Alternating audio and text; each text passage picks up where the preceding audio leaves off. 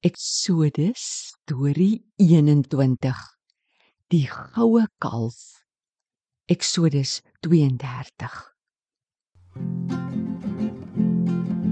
Lekker lekker storie tyd. Die Bybel vat ons ver en wyd. Na stories van die daardie tyd sy liefde loop deur ons eie tyd tot Jesus kom vir die ewigheid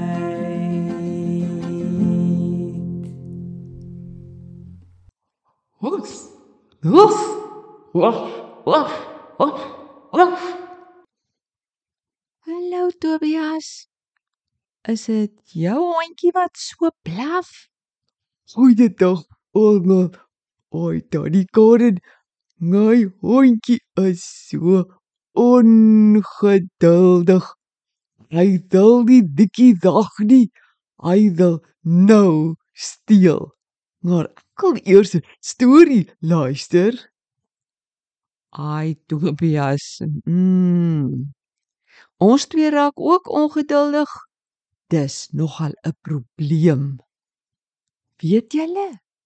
Ek het 'n storie oor 'n dag wat die Israeliete ongeduldig geraak het. Toe draai dit baie lelik uit. Hoi. Regtig? Vertel. Julle onthou mos, ons het vertel dat God gevra het Moses moet teen die berg opklim sodat God vir hom die 10 gebooie op twee klippe kon skryf. Nou ja, Moses klim toe op en bly lank weg. Die Israeliete het begin wonder wat het van hom geword. Hulle het onder mekaar begin praat. Hoi, julle ouens. Wat dink julle het van hierdie Moses geword? Hy het ons nou wel uit Egipte gekry, maar lyk my die ou het ons nou gelos. Hmm. Nou sal ons iemand anders moet kry om ons na die land Kanaan te lei. 'n Ander een het gesê: "Ons het 'n God nodig daarvoor. Ek het 'n plan." Kom, ons maak vir ons 'n God wat ons kan lei. Ai, ou Aaron kan mos vir ons een maak. Daddy. Ja, gaan toe na Aaron toe. Toe hy hoor wat hulle vra, sê hy: "Hm, goed. Bring vir my al julle vrouens, seuns en dogters se goue oorringe." Hulle doen dit toe. Hy smelt die goue oorringe totdat alles loperige goud is. Hy maak toe 'n beeld van 'n kalf daaruit. Toe die mense dit sien, raak hulle skoon deurmekaar en roep uit: "Kyk, Israel, hier is jou God wat jou uit Egipte gelei het." Dalk het Aaron bietjie benoud geword want hy bou toe goue 'n altaar voor die kalf. Hy roep toe uit: "Môre vier ons fees vir die Here." Dalk het hy gehoor die mense sal God die Here aanbid en nie die kalf nie. Dalk het hy. Maar dis toe nie wat gebeur nie. Vroeg die volgende oggend bring die mense diere wat hulle kan offer op die altaar voor die goue bulkalf. Na die offers begin hulle toe fees vier. Hulle het gegil en gelag en gedans. Hulle het heeltemal van die Here vergeet en ook sommer wie is wie se man of vrou. Alles was deur mekaar en hulle het verkeerde dinge gedoen. Het die Here daarvan geweet? Ja. Daar op die berg het hy vir Moses gesê: Moses, klim af.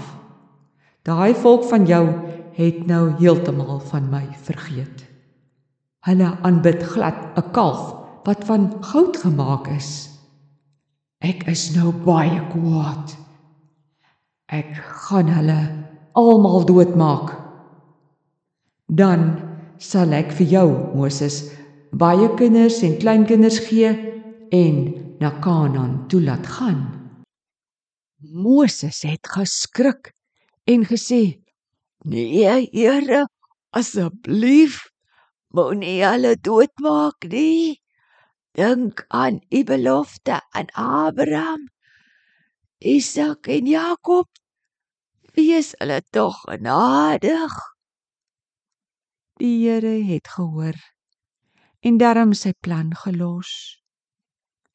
Moses en Joshua begin toe afklim van die berg af. Moses het die klippe in sy hand gehad. Toe hulle naby die mense kom en Moses sien wat regtig aangaan, word hy smoor kwaad. So kwaad dat hy die klippe net daar flenters gooi. Hy kon nie glo dat hulle so gou van God vergeet het nie. Die ander volke kon vir God en die Israeliete nou lelik spot. Hy vra toe vir Aaron wat aangaan. Aaron vertel toe van die ooringe wat 'n goue kalf geword het toe hy dit in die vuur gooi. Dit was mos die heeltemal daardie tannie. Nee, dit was nie. Moses was so kwaad dat hy die goue afgod fyn gemaal het en die stukkies in die Israeliete se drinkwater gegooi het. Hy het ook by die ingang van die kamp gaan staan. Hy roep toe: Wie vir die Here is, kom na my toe. Al die leviete, die nageslag van Levi, kom toe nader.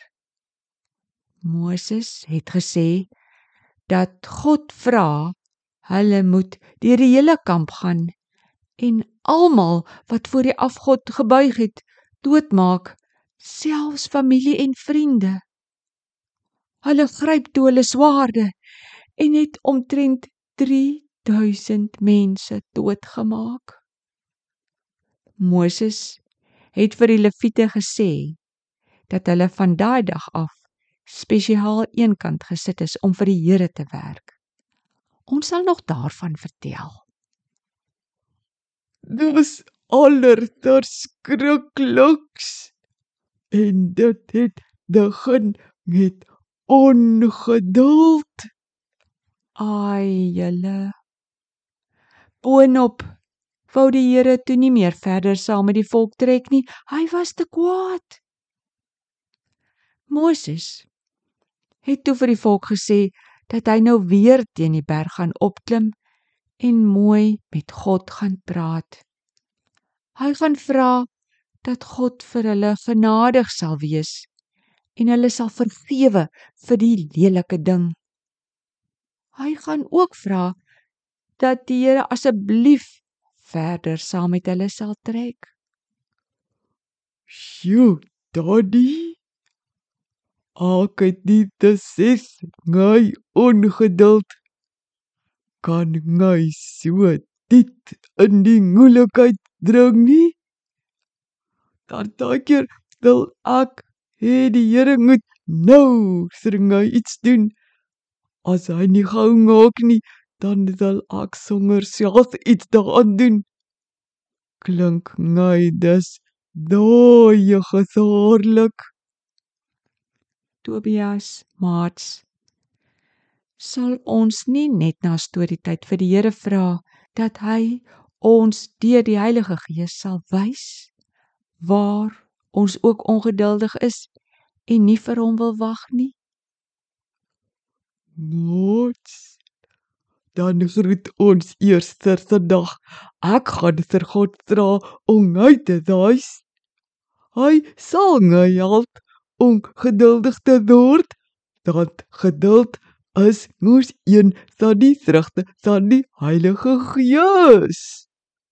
Oef, oef, oef. Ja, my liewe hondjie. En daarna gaan ek met jou kom speel. Tot sins, ngots. Tot volgende keer.